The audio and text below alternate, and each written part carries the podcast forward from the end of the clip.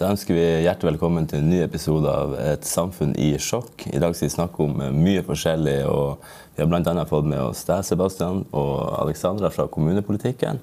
Og så har vi i tillegg fått med oss ei veldig sprudlende og hyggelig dame fra Kautokeino, Gina Utsi, som en av de få som har fått påvist eh, covid-19, relativt få i alle fall, som har fått påvist covid-19 i Nord-Norge. Og du skal være med oss i dag for å dele av dine erfaringer av hvordan den sykdommen oppleves.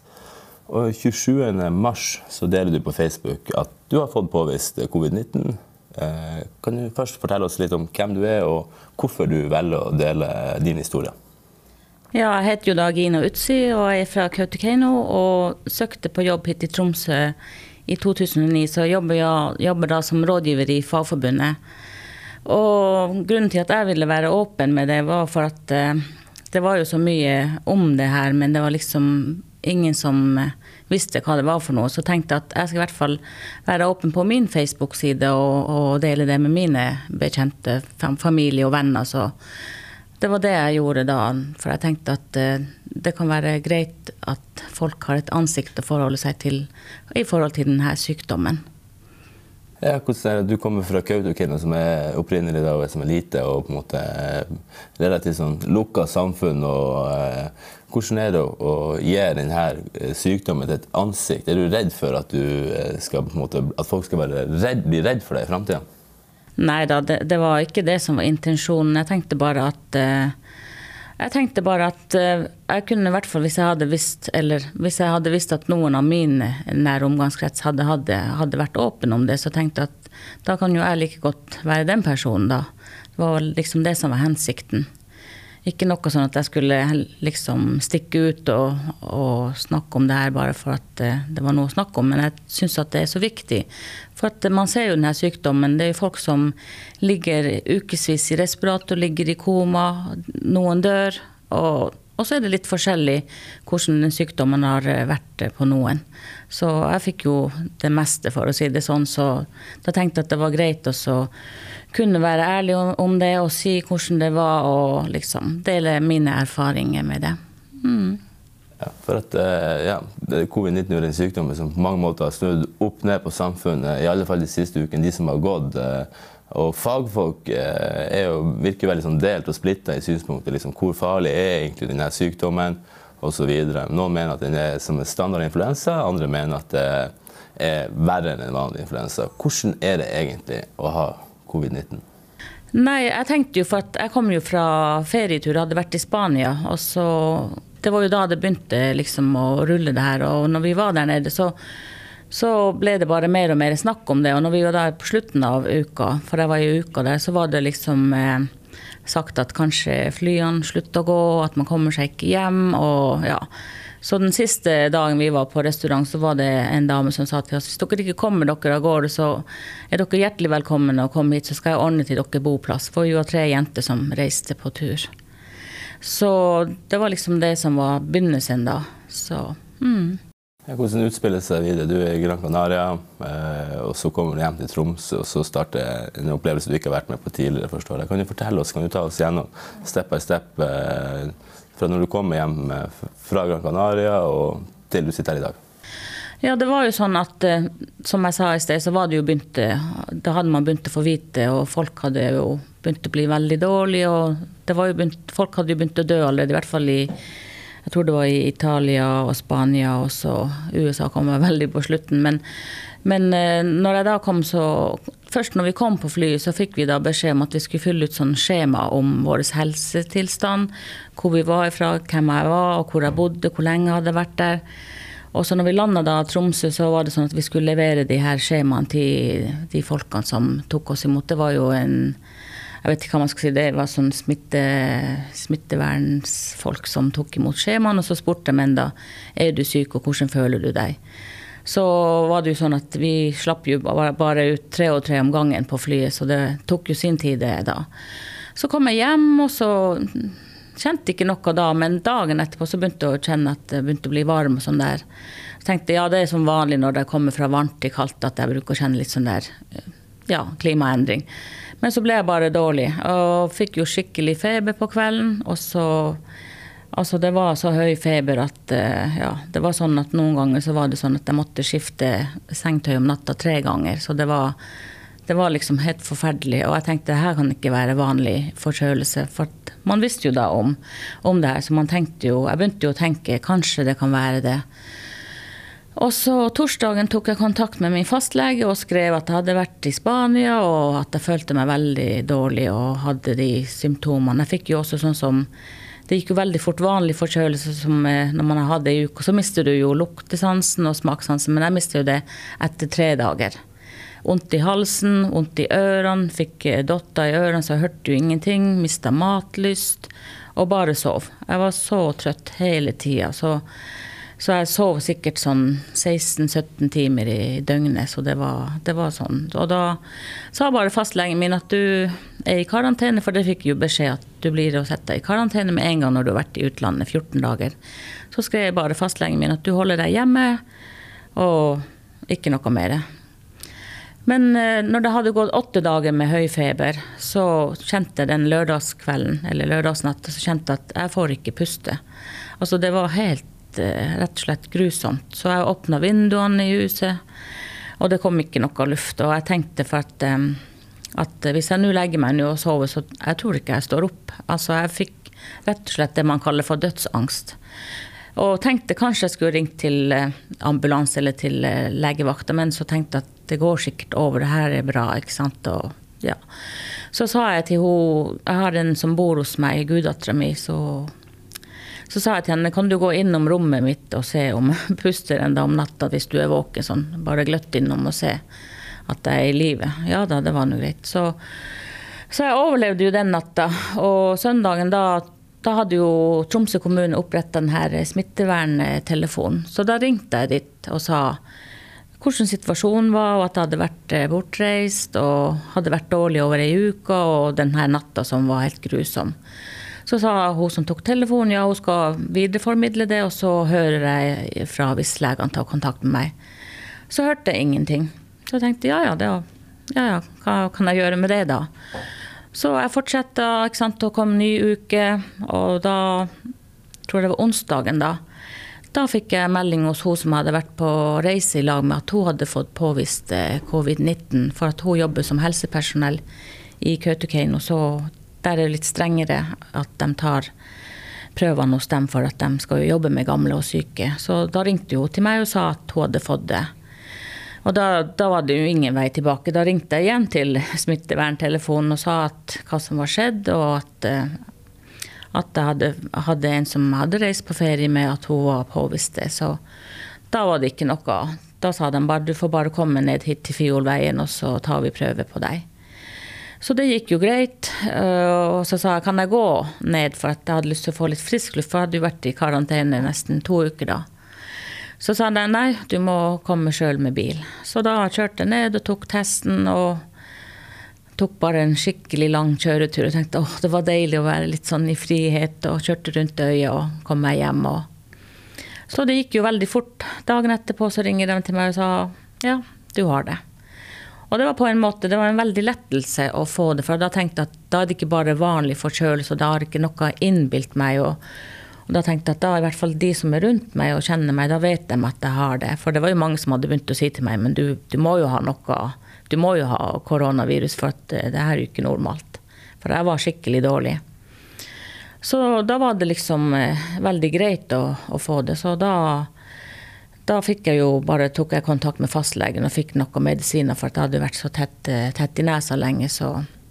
Og så tok jeg da, da, da var det jo kommet også melding om at uh, når du har denne koronavirus, så uh, har du jo de 14 dager karantene først. Og så må du være én dag Den første dagen du er symptomfri, så må du enda vente syv dager før du er erklært som frisk. Så jeg var alt i alt var jeg jo tre uker i isolasjon. Jeg var bare ute en tur, og det var da når jeg var og tok testen. Ikke fær ut med søppel, ikke hente post og ikke fær i butikken. Så det var litt rart. Mm. Men er det ikke også litt rart at du eh, i den situasjonen Norge står i, at man må få påvist, eller du må være i nærkontakt med ei anna som har fått påvist covid-19 for at du skal bli tatt på alvor av smitteverntelefonen? Ja, jeg tenkte jo at eh, jeg, jeg, visste jo ikke liksom eh, hvorfor jeg ikke sant, ble tatt på alvor. For jeg tenkte at eh, det er jo veldig viktig å vite at hvis jeg ikke hadde tatt de her eh, signalene eller eh, tatt det alvorlig, så kunne det jo hendt at jeg hadde kanskje bare ikke brydd meg og bare vært med folk og ikke sagt noe og kanskje gått i butikken og kanskje smitta andre. Så det var liksom det jeg tenkte at eh, jeg skal i hvert fall følge det der. Og så tenkte jeg at når det er så alvorlig som det er, at folk er syke og, og folk dør av det her, så jeg tenkte at jeg skal i hvert fall uh, gjøre mitt, at jeg skal forebygge det. Men jeg syns det var litt rart at uh, at ikke jeg ble tatt litt mer på alvor. Men jeg vet ikke, kanskje det var veldig stor pågang der, og de kanskje ikke ja, tar ikke det ja. Men i hvert fall etter at jeg hadde blitt påvist og, og fått eh, melding om at jeg hadde det, så ble jeg jo da eh, oppsøkt av både ordføreren her i kommunen og så smittevernsoverlegen han Trond Bratland. Da fikk jeg jo eh, Da ble jeg jo liksom sånn ivaretatt på én måte, men ikke sånn helsemessig. Men det var nok mer sånn psykisk. Altså at, ja. Jeg kan du si litt om hva som skjer når du, fra det tidspunktet du får på en, måte, en positiv prøve, og, og de dagene deretter? Hvordan prosessen er det? I det tidsrommet? Nei, Det var liksom ikke noe som skjedde annet enn at jeg fikk påvist. Det var liksom ikke noe sånn oppfølging annet enn at jeg fikk en sånn SMS at jeg skulle fylle ut og fylle ut sånn SMS om jeg var frisk og hvordan formen var og var i isolasjon. Så det var liksom ikke noe sånn spesielt i det hele tatt. Men så var det jo sånn at eh, Universitetet i Oslo hadde jo starta opp en sånn spørreundersøkelse på hvordan For det jobbes jo nå med å få hva man skal si, medisin mot det, eller uh, så da var jeg, var jeg altså, Det var mange som etter at jeg hadde stått frem face, på Facebook eller i sosiale medier om at jeg hadde det, så var det jo mange som begynte å sende denne lenka til meg at jeg må være med på den. For at det er jo liksom sagt at det, noe, det her kan smittes også via blod. Og, og jeg er jo blodgiver her i Tromsø, så, så, jeg tenkte at jeg kan også være med i en del av en forskning om det her. Og særlig hvis, det, hvis jeg kan være med og bidra til at eh, færre får det, og at man kan gi medisiner til de som får, så syns jeg at det var veldig bra. Men det var ikke noe annet enn eh, Det var ikke noe som skjedde sånn eh, medisinsk, da. Men eh, Du er inne på at du får litt tilbakemelding. Hvordan er, Får du mye spørsmål på dette tidspunktet som du har denne sykdommen? så er det jo veldig, altså Samfunnet er i total lockdown. Det er jo det er nesten ikke mennesker å se i gaten. Og alt da mener jeg nesten alt dreier seg om covid-19. Hvordan får, Når du står frem på Facebook, får du mye spørsmål om hvordan det oppleves? og i det hele tatt, må, må, Er du et slags sånn uh, oppslagsverk? Ja, det er jo mange som spør hos meg hvordan det var. Og, og jeg har jo skrevet egentlig hvordan det var. At det var, det var en forkjølelse, men det var liksom ti ganger verre. Og sånn som jeg sa, at jeg fikk jo alle symptomene unntatt eh, hosten og hodepinen. Så jeg hadde jo alt. så så det var jo mange spørsmål, og så var det jo noen som eh, hadde møtt meg før jeg fikk den. Så sender de melding på Messenger og spør ja, den gangen jeg møtte deg sist, når var det da? For da tror de at eh, kanskje at jeg har vært eh, så nært dem at jeg har smitta. Så sier jeg bare slapp av, det var lenge før jeg fikk det.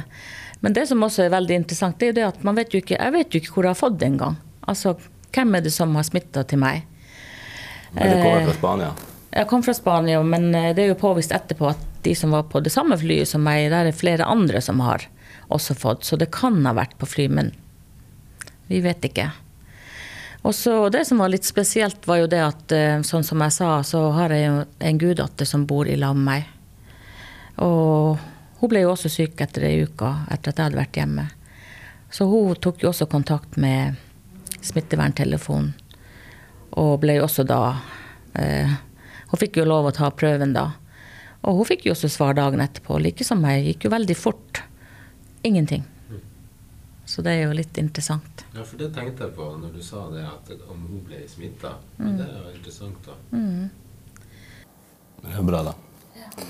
Men det, har mye sånn, eh, det er jo et helt nytt virus. Det er det som er bakgrunnen for at eh, måte, ting tas så alvorlig. Og eh, det har vært mye rykter, det har vært mye snakk om potensielle senskader osv. Du er du bekymra for de her tingene? Nei, jeg tenker, altså Det er jo sånn som du sa i sted innledningsvis, at det kommer så mye teorier på det ene og det andre. Og de som er eksperter, forskere og leger, de kommer med forskjellige ting. Så, Så jeg var liksom tenkte at nå har jeg hatt det, nå er jeg ferdig med det, nå kan jeg bare slappe av og bare liksom kan si til deg ja, nå må dere være redd, men jeg trenger ikke å være redd. Men så kommer det jo nå noe nytt, at ja, selv om du har hatt det, så kan det hende at du får det. Så det er liksom sånn Men jeg tar jo forholdsregler, og jeg gjorde jo det hele tida, men det er liksom sånn Vaske hendene ofte, ikke være nært folk, eh, ta C-vitamin. Ja, ikke være mer enn fem stykker samtidig, så det liksom prøver i hvert fall å forebygge så godt jeg kan. Ok. Alexandra Seljeseth, eh, du kjenner jo Gina fra før. Eh, hvordan reagerer du når du får eh, beskjeden eller du får vite at hun har fått covid-19? Ja, jeg så jo på Facebook, vi er jo venner på Facebook, så jeg fikk jo med meg i feeden min. Og jeg hadde jo på en måte tenkt litt på forhånd. Det er jo bare et spørsmål om tid før det kommer noen man, man kjenner eller vet om som, som får det her. Eh, og så bladde jeg gjennom en dag, og så så jeg plutselig at du hadde skrevet den posten. Og det, man får jo litt sånn trøkk i seg, fordi man tenker Da kommer det med en gang mye nærmere, da. Fordi da er det noen man vet om, noen man har møtt mange ganger, eh, som, som, har det her. Og da føles det veldig mye mer ekte også. Og at det er, det er, på, det er på, trappa også hos oss, da. Så det var Hun var den første på en måte, som jeg kjente som, som hadde fått det. Så for min del så var det ganske spesielt. da. Du er bare 19 år, men uh, og egentlig er du ikke gammel nok til å være her inne på Amtmannens. Men uh, likevel så sitter du i kommunestyret til Tromsø kommune, og i går så hadde dere det første digitale, det første kommunestyret. Og det ble gjennomført digitalt i lys av den situasjonen som vi er i. Kan du si litt om hvordan det har vært å være ung politiker i denne alvorlige situasjonen? Ja, det har jo vært veldig spesielt, samtidig som det er jo på en måte ikke vi som sitter med det daglige ansvaret. Det er jo på en måte mer en krisestab og han Gunnar som ordfører som jobber mye med det. Men samtidig så er det jo litt vårt ansvar også, som du sier, å fortsette å ha kommunestyremøter og behandle også andre saker. Og kunne tenke på, på andre problemstillinger også i denne tida. Noe som er ganske spesielt, fordi man, man har litt den ene tanken som går og kverner hele tida. Og så skal man sette seg inn i andre saker og diskutere og debattere helt andre ting. Men samtidig så er det viktig, fordi samfunnet må gå videre også etter det her. Så eh, vi må jo jobbe også med det. Hva er det som bekymrer deg mest med, med situasjonen? For min del så har det personlig vært en stor bekymring. Familien min bor i Belgia. De bor i et helt annet land. Og jeg var på, på besøk hos dem rett før det her starta for fullt. Så det er veldig rart at hvis det skulle ha skjedd noe enten med meg eller med dem, så kan man ikke komme og hjelpe, og man kan ikke være der. Så det var særlig i starten, når det var veldig ekstremt, så det, det, var, det, tenkte jeg mye på. Men sånn generelt, også for samfunnet, så er man klart bekymra. Man er bekymra for arbeidsplasser, særlig for også unge folk som ikke får jobbe, som ikke f.eks. får Eh, gode nok støttepakker til å faktisk kunne klare seg. Eh, og må betale både studenthybler og alt mulig, selv om man må egentlig bare sitte hjemme. Så det er jo veldig mange ting å tenke på, da, hvordan man faktisk skal klare å komme seg videre. Eh, og hva vi også som politikere kan gjøre for å gjøre det lettere da, for folk. Ja, for det, det har jeg tenkt mye på. Liksom. Nå er jeg såpass privilegert at jeg fortsatt har en jobb og, og på en måte blitt trygg i den jobben. men det å på en måte være ung Du er bare som sagt 19 år. Det å være ung Jeg tenker, Se, se for meg at du har mye venner på din egen alder. Liksom, hva er det hva som opptar tida deres? Eh, liksom, jeg ser for meg at dette tar veldig mye fokus. Kanskje det har letta litt nå?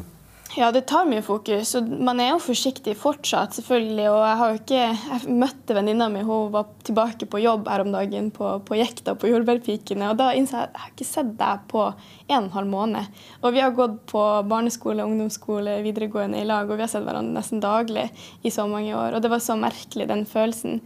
Men det vi snakker om mest, er jo bekymringa selvfølgelig både for at folk vi kjenner skal bli syke. Mange har jo foreldre eller besteforeldre som har sykdommer, underliggende sykdommer, så man er jo bekymra for det. Men også arbeidsplasser. Mange av vennene mine har blitt permittert. Mange er også studenter som ikke Man visste jo ikke om man fikk en krisepakke i starten, og hva den eventuelt ville være. Og også hvordan man egentlig skulle få hverdagen til å gå rundt da, uten støtte fra f.eks. For foreldre eller andre som kunne bidra økonomisk også. Sebastian Henriksen, du er gruppeleder i Tromsø Høyre. eh, Og du, du går inn i din andre periode nå i kommunestyret, selv om du også er relativt ung. Hvor gammel er du? Eh, 22. 22. 22. Aller- Allerede en erfaren politiker. Ja, de sier så. Jeg vet ikke. Hvordan, er det, hvordan, er det vært, hvordan opplever du situasjonen eh, frem til nå? Nei, Jeg må jo aller først si at jeg blir jo imponert over Gina, altså som med den åpenheten. Og jeg tror det er ekstremt viktig overfor oss unge også. fordi det er jo mange som tenker at det her berører ikke oss, det er kanskje ikke så farlig. Eh, men det viser seg, jeg kjenner jo ikke Gina, men jeg kjenner til Gina, og du er jo ei sprek og frisk dame. Eh, og når du er så syk som du var, så er det her absolutt noe man må ta på alvor. Og man hører jo også andre lignende historier. Eh, Så det syns jeg det er stor, stor respekt av. Eh, Og det er kanskje det som jeg merker som ung òg. Vi har litt sånn kortere horisont på ting. Eh, Så nå tror jeg mange føler at ting er litt mer tilbake til normalen. Eh, Men så tror jeg vi skal være veldig forsiktige med det, for vi vet jo at det her kommer til å ta tid. Eh, Og som kommunepolitiker og som eh, fersk gruppeleder så har det vært eh, spesielt. Jeg tok jo over i januar. Og da var det den økonomiske situasjonen i Tromsø kommune. Det var demonstrasjoner, og det var ganske kraftige debatter rundt det. Og så var det nå koronasituasjonen. Eh, så det har vært litt av en, en start, for å si det sånn. Har liksom koronasituasjonen har det forena partiene at man ikke har blitt så fiendtlig skulle du si, i gåsøya? Det, det er ingen som er skikkelig uvenner, men at det, det er jo rivaler, selvfølgelig. Dere representerer hver sin fløy. Eh, Eh, jeg, tror- jeg, tror nok, eh, jeg tror nok klimaet er bra, og jeg tror nok vi alle er enige om at nå er det eh, ting, andre ting som er viktigere enn politikk, og det med helse og, og trygghet for folk er det viktigste. Og jeg, jeg har jo skrøtt av ordføreren i mange sammenhenger, for jeg syns hun har håndtert det godt. Og ikke minst de som jobber på rådhuset og, og staben der. Eh, men så kom jo hverdagen veldig fort med det her Arctic Center, og plutselig så var vi i gang med de her steile frontene igjen. Eh, sånn at det, det er jo spesielt, men, men jeg opplever at man har vært opptatt av helse, og det har vært det viktigste. Vi skal snakke litt mer om Arctic Center senere, men du uttrykker på et relativt tidlig sted at du reagerer på at Lammi, Frp sin Bjørn Gunnar Jørgensen, at du reagerer på at eh, Tromsø kommune ikke permitterer sine ansatte gjennom et utspill i Nordlys, eh, og det skaper voldsomt mye reaksjoner. Eh, Kan du si litt om hva som var bakgrunnen for det utspillet? Ja, det handler jo om at jeg fikk et spørsmål av både media og andre om det å permittere ansatte i Tromsø kommune. Eh, og jeg ønsker å stille spørsmål med det som politiker. Jeg hadde ikke tatt noen konklusjoner og ville bare høre hva slags vurderinger som var gjort. Eh, og det syns jeg er viktig at vi politikere gjør, og det er derfor vi er der, for å stille spørsmål. Eh, men det, jeg må jo være ærlig at jeg kjente nok på at jeg også hadde svikta som politiker, fordi at det, i det som var usikre tider, så skapte jeg mer usikkerhet for mange. Og det ble framstilla som at jeg ønska å permittere ansatte. Eh, og så var det litt sånn kjipt eh, personlig, fordi jeg er jo heldig å få lov å være med på, på flere kanter. Og vi har jo måttet permittere 200 ansatte f.eks. i Samskipnaden, og det har ikke det har vi gjort med tungt hjerte, men vi har vært nødt til det fordi vi har måttet stengt mye av virksomheten. Så plutselig så ble man sånn permitterings-Henriksen eh, mens man satt i masse prosesser sjøl og, og, og syntes det her var veldig trasig. For man kjenner dem, og man vil ha folk på jobb, og man vet at de har huslån og unger. Eh, men jeg syns også at vi som politikere må, må stille de spørsmålene. Og så fikk jeg begrunnelse om at de største kommunene i Norge eh, ville ikke permittere ansatte av hensyn til Nav, og at man ville få dekt kostnadene fra staten da, og regjeringa. Du trekker ned på et personlig plan, hvordan er det eh, å, liksom, å skumme gjennom kommentarfeltene eh, uten man skal legge for mye vekt i det? Men hvordan er det liksom, som så ung politiker, akkurat uh, blitt utnevnt som ny gruppeleder for Tromsø Høyre, og så skummer gjennom kommentarfeltene, og så er det så mye hat og mishagsytringer. Hvordan, hvordan tar du det personlig? Nei, jeg syns jo det er trist, ikke sant? fordi at uh, jeg hadde jo jeg har ikke, jeg hadde ikke bestemt meg at jeg ønska å permittere noen ansatte. Jeg ville bare stille spørsmål om hva skulle man gjøre, for det var mange andre som uh, gjorde det. ikke sant? Andre skatteetaten, andre virksomheter og private. Så hva, hva tenkte kommunen rundt det? Og så blir det jo et, et etterlatt inntrykk om at jeg ønska det. Og da så jeg jo det var ganske tydelige kommentarer. Men, men jeg vil jo si at jeg svikta jo litt som politiker, for jeg skaper mer usikkerhet i det som er usikre tider. Og så fikk jeg veldig mange private meldinger på Messenger også eh, om ulike situasjoner til folk. Og det har jeg stor respekt for. Og, og så, så det svarte jeg tydelig på, og, og forklarte i hvert fall min side av saken, og håper det hjalp. Og så tror jeg veldig på at det, det du gjør gjennom handling over tid, vil vise seg, eh, og at folk ser det. da. Eh, sånn at jeg ønsker på ingen måte på død og liv å permittere noen. Eh, og så har jeg vært med så lenge, og det har vært noen runder, at man blir også litt sånn vant til å ikke legge for mye vekt på det. Skal man liksom basere seg på kommentarfeltene eh, hver dag, så får du noen dårlige dager, for å si det sånn. Jeg tror man må bare man må ta det på alvor, men samtidig ikke legge for mye vekt på det. I dag er det sånn at 370 000 mennesker er permittert i Norge. Staten har oppretta en egen smitteapp. Vi har starta en podkast som har dramatiske navnet 'Et samfunn i sjokk'. Det er så mye nye ord og begreper som dukker opp. Vi snakker om søringkarantene, det er hjemmekontor, det er hytteforbud. Det er mange begreper som ikke tidligere har eksistert. Og snart må vi ha egen ordbok for å følge med i koronadialogen. NRK kårer årets nyår til å bli søringkarantene. Mener du Sebastian, at vi bør bygge en sånn svær, gigantisk mur Dovre for å sikre oss mot smitte mot søringene. Ja, jeg er jo Nord-Norgespatriot. Jeg mener kanskje vi skal løsrive Nord-Norge. Nei da. Jeg tror på fellesskap, og jeg tror at eh, spesielt i den tida vi er nå, så ser man jo den norske modellen. Det med fellesskap. Du har fagbevegelsen sammen med NHO, du har Fremskrittspartiet og Rødt ikke sant, som står eh, side om side i forhold til de pakkene som Alexandra var inne på, og eh, folkevalgte som gjør en veldig god jobb. Jeg er imponert over helseministeren og statsministeren. Og, og det er jo en helt ny situasjon for oss alle. Eh, og vi vet jo ikke. Det jeg er kanskje mest bekymra for, som jeg har fått mer og mer, eh, tatt mer og mer innover meg, det er jo at eh, vi som er unge, har liksom tenkt at ja, ok, til sommeren er det over. Ja, vi kan dra på festival, vi kan dra på konserter. Og så ser man jo at det her blir langvarig, og det blir, tar mye lengre tid enn mange tenker. Og Det tror jeg nok kommer til å prege samfunnet, og også det du sier i forhold til arbeidsledighet. Jeg tror nok eh, dessverre at det her er kanskje bare begynnelsen, eller at vi står midt i det. Eh, og at det kommer til å, å ta veldig mye lengre tid enn, enn mange av oss tenker. Jeg får lede meg litt, inn, litt, videre i forhold til at ja, nå er det slått fast, vedtatt og slått fast. Eh, I dag når vi spiller inn denne podkasten nå klokka fire senere i dag, så kommer det enda nye tiltak fra regjeringa. Men allerede slått fast at det kommer ikke til å samles over 500 mennesker. Så de største festivalene i Norge er allerede avlyst. og Det samme gjelder selvfølgelig idrettsarrangementer. Og på en måte den kultur og idrett som samler folk. Eh, den sosiale samlinga som vi nå begynner å merke hvor avhengig og hvor glad vi egentlig er i. Og det her har jo selvfølgelig ringvirkninger for arbeidsplasser osv det jeg lurer på, liksom, hvordan, hvordan, ser dere på det? Om, liksom, er tiltakene, er de strenge tiltakene som fortsatt, selv om vi har letta litt opp, men som fortsatt er til stede, er de virkelig nødvendige? Jeg vil i hvert fall påstå at jeg tror ikke vi skal begynne å slappe av helt enda. Eh, og vi har jo begynt å åpne litt opp, som du sier. Folk kan dra til frisøren. Det har i hvert fall min Facebook vært full av de siste par dagene. Og, eh, og man kan samles, i hvert fall noen. og forhåpentligvis snart også kanskje noen flere i lag, hvis man har avstand og er flink på det.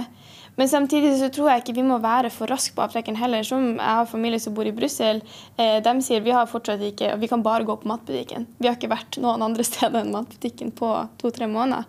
Så jeg tror at bare fordi vi føler at ting begynner å ordne seg, så tror jeg ikke vi må være for raske til å åpne opp igjen. fordi da, da er man fort tilbake til start. Eh, så jeg tror det er viktig at vi tar ansvar også som et land og, og fortsetter denne dugnaden. Selv om det er, det er tungt. Vi er jo ikke skapt for å sitte hjemme i, i månedsvis og ikke møte folk. Det er vi ikke. Men, eh, men jeg tror vi er avhengig av å, å ta det her på alvor i hvert fall en, en stund til. da. Yeah. Nei, jeg tenker jo sånn som nå er jo barnehagene åpne, og så er jo for eh, barneskoleelevene er jo også åpne. Så vil, vi vil jo komme til å se om, eh, om, det er mer økning av Eller om det er flere som blir smittet. For det er jo en prosess vi er nå i. Og så tenker jeg at eh, vi får jo se da om, om, det blir mer folk som får denne koronavirus. Så tenker jeg med, med henhold til festivaler og sånn, så, så, tror jeg det. Jeg er jo enig med deg og støtter det at, at det her med masse folk det, det, sier jo seg sjøl, jo flere folk. Sant? Og det er jo sånn som jeg vet jo med denne sykdommen sjøl som jeg har hatt, så er det jo noen som går symptomfri. Så den kan jo være smittebærere uten at de aner. Så eh, jeg tror nok vi skal ta det litt med ro. Og, og festivaler kommer, og sommeret kommer, så nei, jeg tror nok vi må vente litt. Ja, for at Vi får jo tilbakemeldinger på Facebook om vi må slutte å male fanden på veggen. Jeg begynte å tenke sånn det, Hvilken malingsfarge er det? Altså, så, jeg, altså, og generelt så eh, Man begynner å tenke liksom jeg, blir, Forverrer vi media situasjonen i forhold til hvor, hvor alvorlig det er, osv. Men En ting er jo sikkert at i forhold til Det er åpenbart at det, sykehuskapasiteten har blitt satt på prøve i, i nabolandene våre, strengt tatt, som de europeiske landene Italia og Spania osv., som virkelig har eh, slitt. Eh, det er et faktum. Parallelt med det så er det jo også et faktum at den, på en måte, den lockdown som vi har vært gjennom, den skaper jo ringvirkninger for andre deler av samfunnet. Eh, vi snakker om en massearbeidsledighet som vi ikke har vært vitne til i, alle fall i Norge siden 1930-tallet. Og det igjen vil jo medføre rus- og voldsproblematikk i samfunnet som vi ikke vet senvirkningene av. Så spørsmålet liksom, det, det, blir jo blir jo en oppveining mot hverandre eh, til slutt. Er det, er det virkelig verdt det? Det, det er vanskelig spørsmål. Jeg er jo en røver fra Kvaløya, egentlig. Men uh, jeg tror det er nødvendig. Jeg tror Norge har lagt seg på ei god linje. Og det er jo den her berømte R-en som jeg snakker om i forhold til hvor mange smitter den enkelte som har det, da videre. Og, den ligger jo på et godt nivå nå, og de følger jo veldig nøye med på den. Uh, så jeg tror vi må bare ha respekt for tiltakene. Og så tror jeg nok at man åpner opp, uh, sånn som vi ser nå, litt og kanskje mer og mer, men så kan det hende at man må stramme inn igjen. fordi at når aktiviteten øker, så vil jo også smitten sant, bli større. Eh, enn i hvert fall det jeg har tenkt rundt det. Men jeg tror vi skal være glad for at vi, vi bor i Norge og har eh, oljefond og kan liksom komme med pakker til næringslivet og til den lokale frisøren og til studentene og, og til eh, kommunene. Sånn at man kommer, når man kommer ut på andre sida, så, så, er man ikke helt på, på null, heldigvis. Da jeg inviterte deg hit, uh, Gina, så, så, sa du at du reagerte litt på at uh, folk så var, Vi var veldig flinke på denne dugnaden som du refererer til å begynne med, men nå virker det som om vi, vi begynner å bli le, mer og mer løssluppen i forhold til, og du reagerer litt på liksom, i forhold til at vi ikke egentlig i realiteten overholder de tiltakene som er iverksatt. Hvorfor tror du at folk gir seg faen? Nei, jeg, jeg, tenker bare sånn, bare for å avslutte det forrige. Det var jo liksom sånn som vi ser jo Vi ser jo bare til nabolandet Søta Bror, hvor de bare egentlig ikke brydde seg. Folk var på kafé, de var ute. Altså Til og med kongefamilien sine medlemmer var ute blant folk. Og, det var liksom, og så ser man jo der Du ser jo forskjellene mellom Sverige og, og Norge. Med både syke, eller de som er smitta, og de som er døde. At det er stygge tall der. Så vi har jo vært i Norge med de strenge restriksjonene, så ser det ut som det har hjulpet. Men, men sånn å se tilbake her i Tromsø, liksom, så eh, ser man jo at folk er mer at det er mer folk som er ute. Men jeg ser jo at det er jo ingen som er sånn at de er oppå hverandre, for å si det sånn, på kafé og sånn. Og det er jo liksom sånn annenhver Det skal være én meter eller to meter og så, men, men litt sånn her jeg tenker også om vi er litt for strenge i Norge, så ser man jo at politiet må bruke sine ressurser og stenge privatfester. Og det syns jeg er veldig unødvendig at vi skal måtte trenge gjøre det når folk er så opplyst om det. Så og så er det jo sånn at når jeg bare ser sjøl når jeg er på butikken, eh, så har du jo alle de plakatene. Det er sprit, og det er eh, hanske. Så jeg syns det er veldig bra tiltak vi har innført nå. Men så er det jo sånn at noen glemmer, glemmer det. Så jeg bruker liksom sånn Jeg var på butikken, eh, og så sto jeg i kø, og så var det noen, to stykker som kom veldig nært meg. Og da måtte jeg liksom bare eh, Kan du være så snill å ikke komme så nært? For at sånn som jeg, ikke sant, selv om jeg har hatt det, så kan det jo være at jeg har det for det. Eh, selv om jeg har bare liksom fått at du skal være syv dager hjemme, så er du frisk. Men vi vet jo så lite om det her, så jeg syns det er litt bedre å være litt streng enn for eh, slapp. Vi skal fortsette å handle lokalt, men tenke litt globalt. Og media og politikken har vært veldig fokusert på eh, hvordan vi nå skal på en måte skåne sykehusene våre mest mulig. Og det er bra, selvfølgelig. Det er nærliggende å tenke på seg sjøl først. Men så parallelt med koronakrisen så pågår det eh, globale utfordringer av dimensjoner. Vi snakker om klima, fattigdom og sult. Eh, og dem, det er ikke et nytt fenomen, de har eksistert over flere år. Eh, er det, er det litt bekymringsverdig hvor lite vi bryr oss om de der tingene, parallelt med hvor mye vi klarer å investere i oppmerksomheten i den koronakrisen når det berører oss direkte?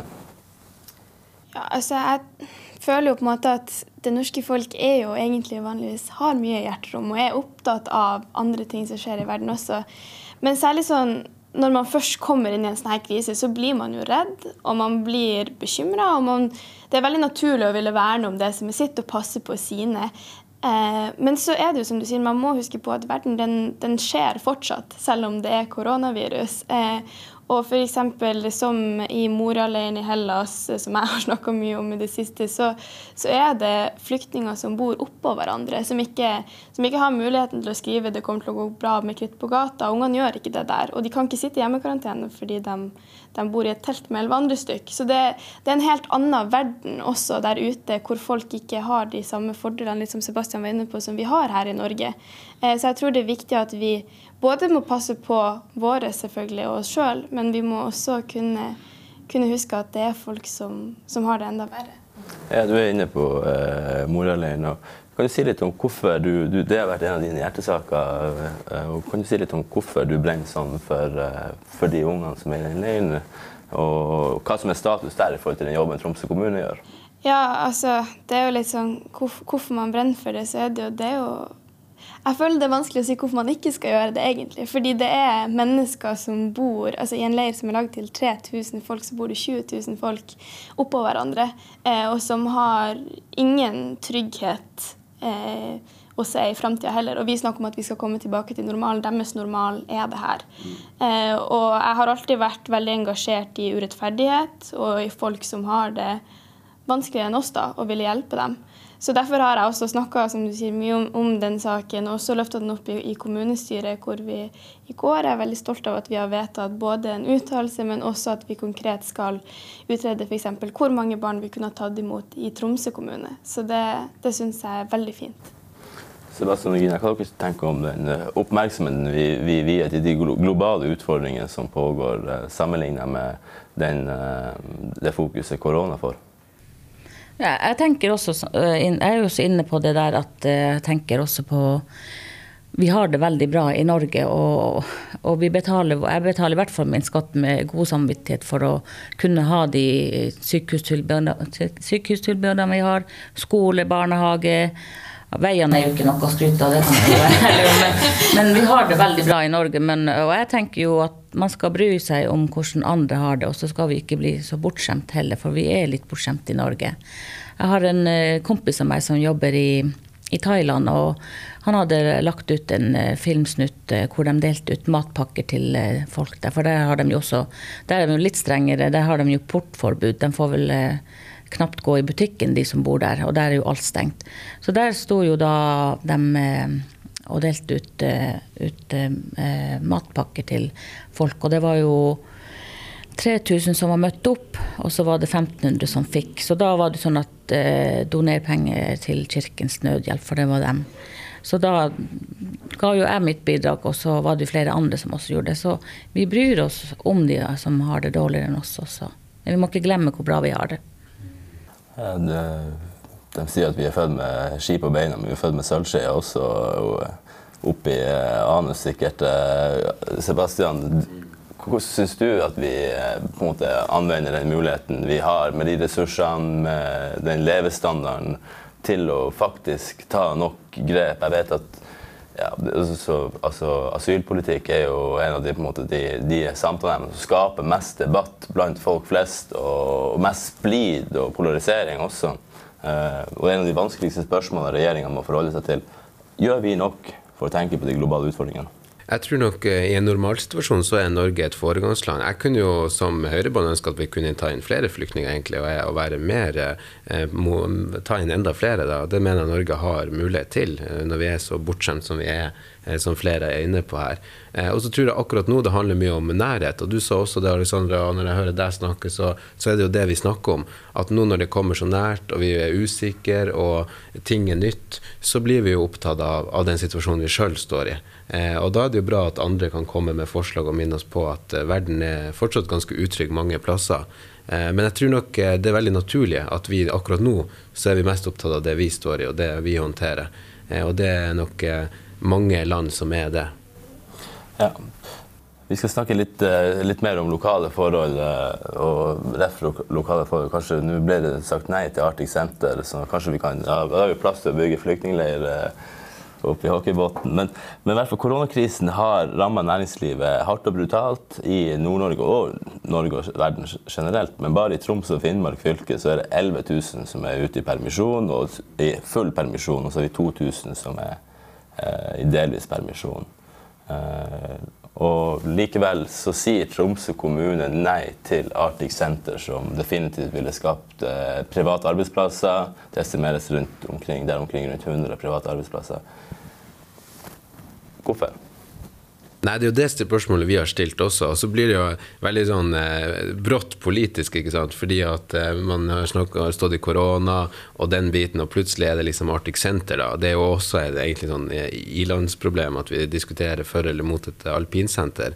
Eh, men det er ekstremt viktig nå at vi satser, og at vi tenker fellesskap. Og jeg tror man trenger noen store prosjekter i Tromsø, og mindre omkamper og ei felles retning for utviklinga i Tromsø. Og det er jo derfor mange av oss føler det blir så galt når man da velger å snu eh, på oppløpssida etter å ha vært for i så lang tid. Ja, for hvordan, altså, Reiselivsnæringa er jo den næringa som nå på en måte blir hardest ramma av den situasjonen vi står i. og Det, den, det signalet Tromsø kommune sender gjennom å på en måte si nei til et sånt her prosjekt. Hva det, hvordan signal sender det til den, de, den arbeidsstokken som sitter her i Tromsø nå og vil ha jobb? da?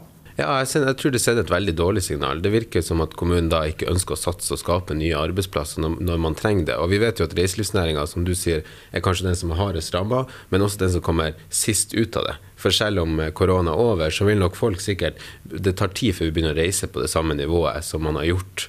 Og i hvert fall de lange turene, sånn som turistene fra de asiatiske landene. Så jeg tror nok det vil, gjøre, det vil ta tid.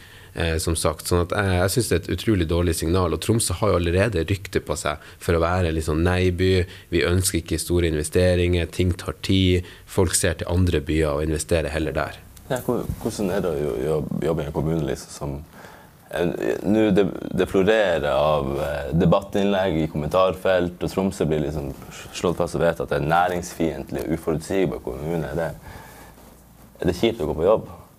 Nei, altså Vi går jo på jobb Jeg går jo på jobb med et ønske om å endre det. Og, en, og skape den felles eh, kulturen for utvikling. Og så tror jeg man skal være forsiktig med at ting er så svart-hvitt. Det er blitt veldig polarisert. Altså, vi er jo, Veldig mange er jo for næringsutvikling. Det er jo også det Arbeiderpartiet jeg kjenner. Sånn at det blir veldig polarisert. Men det er klart at det sender et veldig dårlig signal i det som er en krisetid, og reiselivsnæringa står i sin største krise. Ja, Alexander, du, du, tilhører jo Arbeiderpartiet. og Du er et parti for arbeiderne eh, i sin uh, opprinnelse. Hvorfor er det sånn at dere uh, takker høflig nei til et sånt prosjekt som Arctic Center? Ja, for Personlig så er det jo, som Sebastian sier, man er opptatt av næringspolitikk og utvikling. Men så må man jo også se på hva det er man får presentert, og ikke ta ta nødvendigvis alt man får, og også kunne si fra det her er ikke godt nok, men vi vil gjerne ha det her, men da må man endre også på noen ting. Og Det er i hvert fall det jeg personlig føler om det her prosjektet. Men så sliter jeg også litt med den argumentasjonen når det kommer til at det her er det som skal redde reiselivsnæringa. Fordi turistene i Tromsø de har stått i kø, og vi er gode på turisme. Vi er utrolig gode på det. Og de arbeidsplassene det er snakk om, de kommer ikke til å komme i september rett etter koronakrisa eller oktober eller når det blir. De blir nok å komme om en ganske god stund. Og Det betyr ikke at de er mindre verdt, men jeg tror også det er vanskelig å, å på en måte belage seg på at det her er det som skal redde oss. Eh, men samtidig så, så, er det viktig med vekst. Men jeg syns også det er viktig med klima, det er viktig med miljø, det er viktig med samiske rettigheter. Og da, for min del der, så var det nok det som, som endte med at jeg landa på et nei. Jeg kan si litt, eh, Vi har vi snakka mye om korona, naturlig nok. Det er denne podkasten opprinnelig handler om. Nå sklidd litt mer over på lokalpolitikk. Men kan du si litt om eh, liksom Etter mange uker med fullt fokus på korona, så har på en måte eh, lokalpolitikken tatt full, fyr, fyr, igjen i forhold til sånne gode, gamle saker. Kan du si litt om det spillet som må ha vært i kulissene, og den lobbyvirksomheten og alt det der, i forhold til at det her er åpenbart en delikat og intrikat sak i forhold til at deres ordfører i Arbeiderpartiet også har eierinteresse i Arctic Center? Ja, det er jo litt som Sebastian sier, Man har på en måte vært helt oppe i denne koronasituasjonen, og så plutselig så er den politiske hverdagen tilbake, og det er liksom høy temperatur og leserinnlegg og ledere opp og ned over alle lokalavisene. Så det har jo vært veldig spesielt. det har det. Og som du sier, så er det ekstra spesiell situasjon når det er vår egen ordfører. Eh, men da er det viktig også at alle på en måte er klar på sine plasser. at man er man inhabil, så er man inhabil. Er man valgt er man folkevalgt, så har man også på en måte retten til å si det man sjøl mener.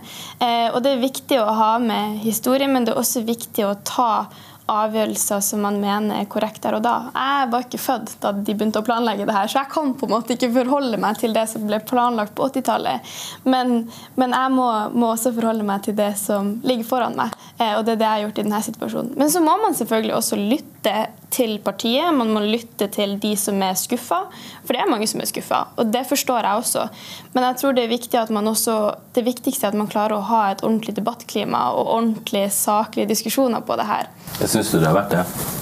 Jeg syns personlig det har vært en del grums i kommentarfelt og, og i innlegg her og der. Det har vært det har vært en storm. Har... Blir du redd? Eh, jeg har lest noen eh, ledere og kommentarer osv., og, så videre, og det er ganske sånn harde karakteristikker. Blir du, blir du redd? Liksom? Du er bare 19 år, du har din politiske karriere foran deg, du er 22. Det er på mange måter i samme sko. Blir dere redd for eh, det, det, det trøkket som f.eks. deres gruppeleder nå utsettes for? Altså Selvfølgelig så er det jo ikke behagelig. Det er jo ingen som ønsker å stå i det her. Men det er en del av gamet. Dessverre så er det det. Eh, og jeg skulle gjerne ønske at vi kunne komme på rådhuset og alltid diskutere politikk liksom rolig og måtelig med en kopp kaffe, og folk kunne akseptere det. Men sånn er det nødvendigvis ikke alltid. Og folk har lov til å si sin mening, folk har lov til å være uenig. Det er helt greit. Men det som jeg syns kanskje personlig noen gang blir litt tungt, er hvor usaklig man kan bli, og hvor angrepet man særlig blir for å være ung og ha en mening. Det syns jeg man kan holde seg for god til. Men samtidig så, så er det som Sebastian sier, noen ganger er det best å bare ikke lese. Og bare akseptere at sånn, sånn er det. Eh, og så får man prøve å motarbeide så mye man kan med å ikke synke dit sjøl, og så får man bare prøve å gå videre. Du Sebastian, er du redd, eller er du klar for å bli sånn? ja, det er hyggelig, da. Nei, altså, jeg må jo si at eh, Grunnen til at vi er med eh, og folk engasjerer seg, er jo det engasjementet for byen. Eh, og det er jo det liksom, som gjør at man går på og går på. Og sånn som i dag, når det er nydelig vær ute og Tromsø er på sitt beste, så vil man være med å utvikle byen. Og det er egentlig det viktigste. Og så er det en del av, av gamet som Alexandra er inne på Eh, og I begynnelsen syntes jeg det var tøft, og spesielt den første perioden. Eh, det at mange skal mene så mye om deg, og du blir ekstremt synlig i en ung alder på alle mulige måter. Eh, og mange tror at du, du har et sterkt ønske om det, men egentlig så handler det jo om at du har et ønske med, med, å få fram de sakene du har. Og skal du gjøre det, så er du også nødt til å, å være synlig, og at folk vet om det, og velgerne vet om det. Sånn at det er et veldig stort trøkk i det som allerede er en liten by i Nord-Norge. Eh, men, men, det er utrolig givende, så man får jobbe masse flinke folk. Og jeg må jo si, selv om jeg er helt uenig med Alexandra og Arbeiderpartiets gruppa på at man snur i siste liten, så står det jo stor respekt av at de tar den avgjørelsen, også opp mot sin egen ordfører, som man vet, og som du er inne på, det er en delikat sak. Men at man tør å ta et sånn klart standpunkt allikevel, eh, med, med de liksom Det er jo sånn 50-50 for eller imot. Så det står det jo respekt av, absolutt. Eh, og man trenger unge stemmer. Eh, men det har sin pris. og jeg tror nok vi må spille hverandre gode også, og folk må heie på hverandre. fordi at det er et trøkk som, som, er ganske stort, egentlig, og som er litt sånn Du står alene i det. Det er liksom Mange av de kompisene mine de lurer liksom på hvorfor man gidder. Man lurer litt på det sjøl også noen ganger. det, det, hender, det hender. Gina, du er vi skal begynne å runde av den Arctic Center-saken snart, men uh, du sitter jo med kanskje loka lokalkjennskap. Du er også engasjert i lokalpolitikken. I tillegg så har du samisk mm. opprinnelse. Mm. Og reindrifta har blitt brukt som et av de viktigste argumentene for mm. å beholde den naturen så urørt og vakker. Uh, hva du mener om Arctic Center? Nei, altså jeg har jo veldig mye meninger om det, for det er mange ringvirkninger. For hvis man bygger det der først, så vil det jo koste en del penger. Og er det kommunen som skal spytte inn Det er mange som sammenligner. Ja, i Levi og Geilo og Trysil, det har de klart. Men, men, hvis du sammenligner med Finland, så er det jo helt annen politikk. De, der gir de mye penger til næringslivet. Sånn har ikke vi det i Norge. Og så har vi jo da Vi har jo et alpinsenter her. Den vil jo ikke kommer til å eksistere antageligvis hvis vi får det. Så har vi jo i Målselv, der er det mange tromsøværing som har etablert både med hytte og alt det der. Så det vil jo også kanskje ta knekken. Så har man jo da veien dit til Kvaløya, den vet vi, den er jo trafikkert, og det er mye svevestøv og det er alt det der. Så alt det der må jo først være, og det er jo sånn som kanskje også hun er inne på, Alexandra, at man må få litt mer fakta på bordet. Så må man se litt og bruke tid på de tingene som ikke er helt på plass, før man kanskje kan kanskje ta et ordentlig vedtak. For, for, det er jo det som man også er redd for, at hvis man bygger da et hyttelandsby der eh, på Finnheia, er det ikke det det heter, så vil det jo kanskje være folk som blir boende der og bruker det som hus, og det er ikke det som er meningen. Så det er jo liksom det er mange ting, og jeg ser bare sånn Jeg kan sammenligne med det her eh, Er det svømme, svømme, svømmebassenget eller Tromsøbadet? Hvor man endelig fikk det på plass, men hvor det enda er folk som er så negativt innstilt til det, hvor mye det koster. Skal Tromsø kommune drive med det, for vi har jo gamle, vi har syke, vi har skole, vi har veier. Det høres bra ut helt til du får regninga. Ja, ja. Så det er liksom sånn, alt må jo veies for og imot. Så jeg vil jo i hvert fall eh, synes, Jeg syns jo det er veldig bra med, med Tromsøbadet, for det var jo også veldig mye negativitet. ikke sant? Det har jo vært jobba lenge. Også hvordan blir det med svømmehallen på Alfheim. Men jeg ser jo tromsøværinger har jo i mange år tatt hurtigbåten til Harstad på tre og en halv timer og vært på Grottebadet og vært der og bada. Hvorfor skal ikke vi få det til her i Tromsø? Vi kan bruke litt tid på Arctic Center. Jeg tror ikke det siste ordet er nok ikke sagt i den saken. Men eh, det er mange interesser som må tas hensyn til, tenker jeg.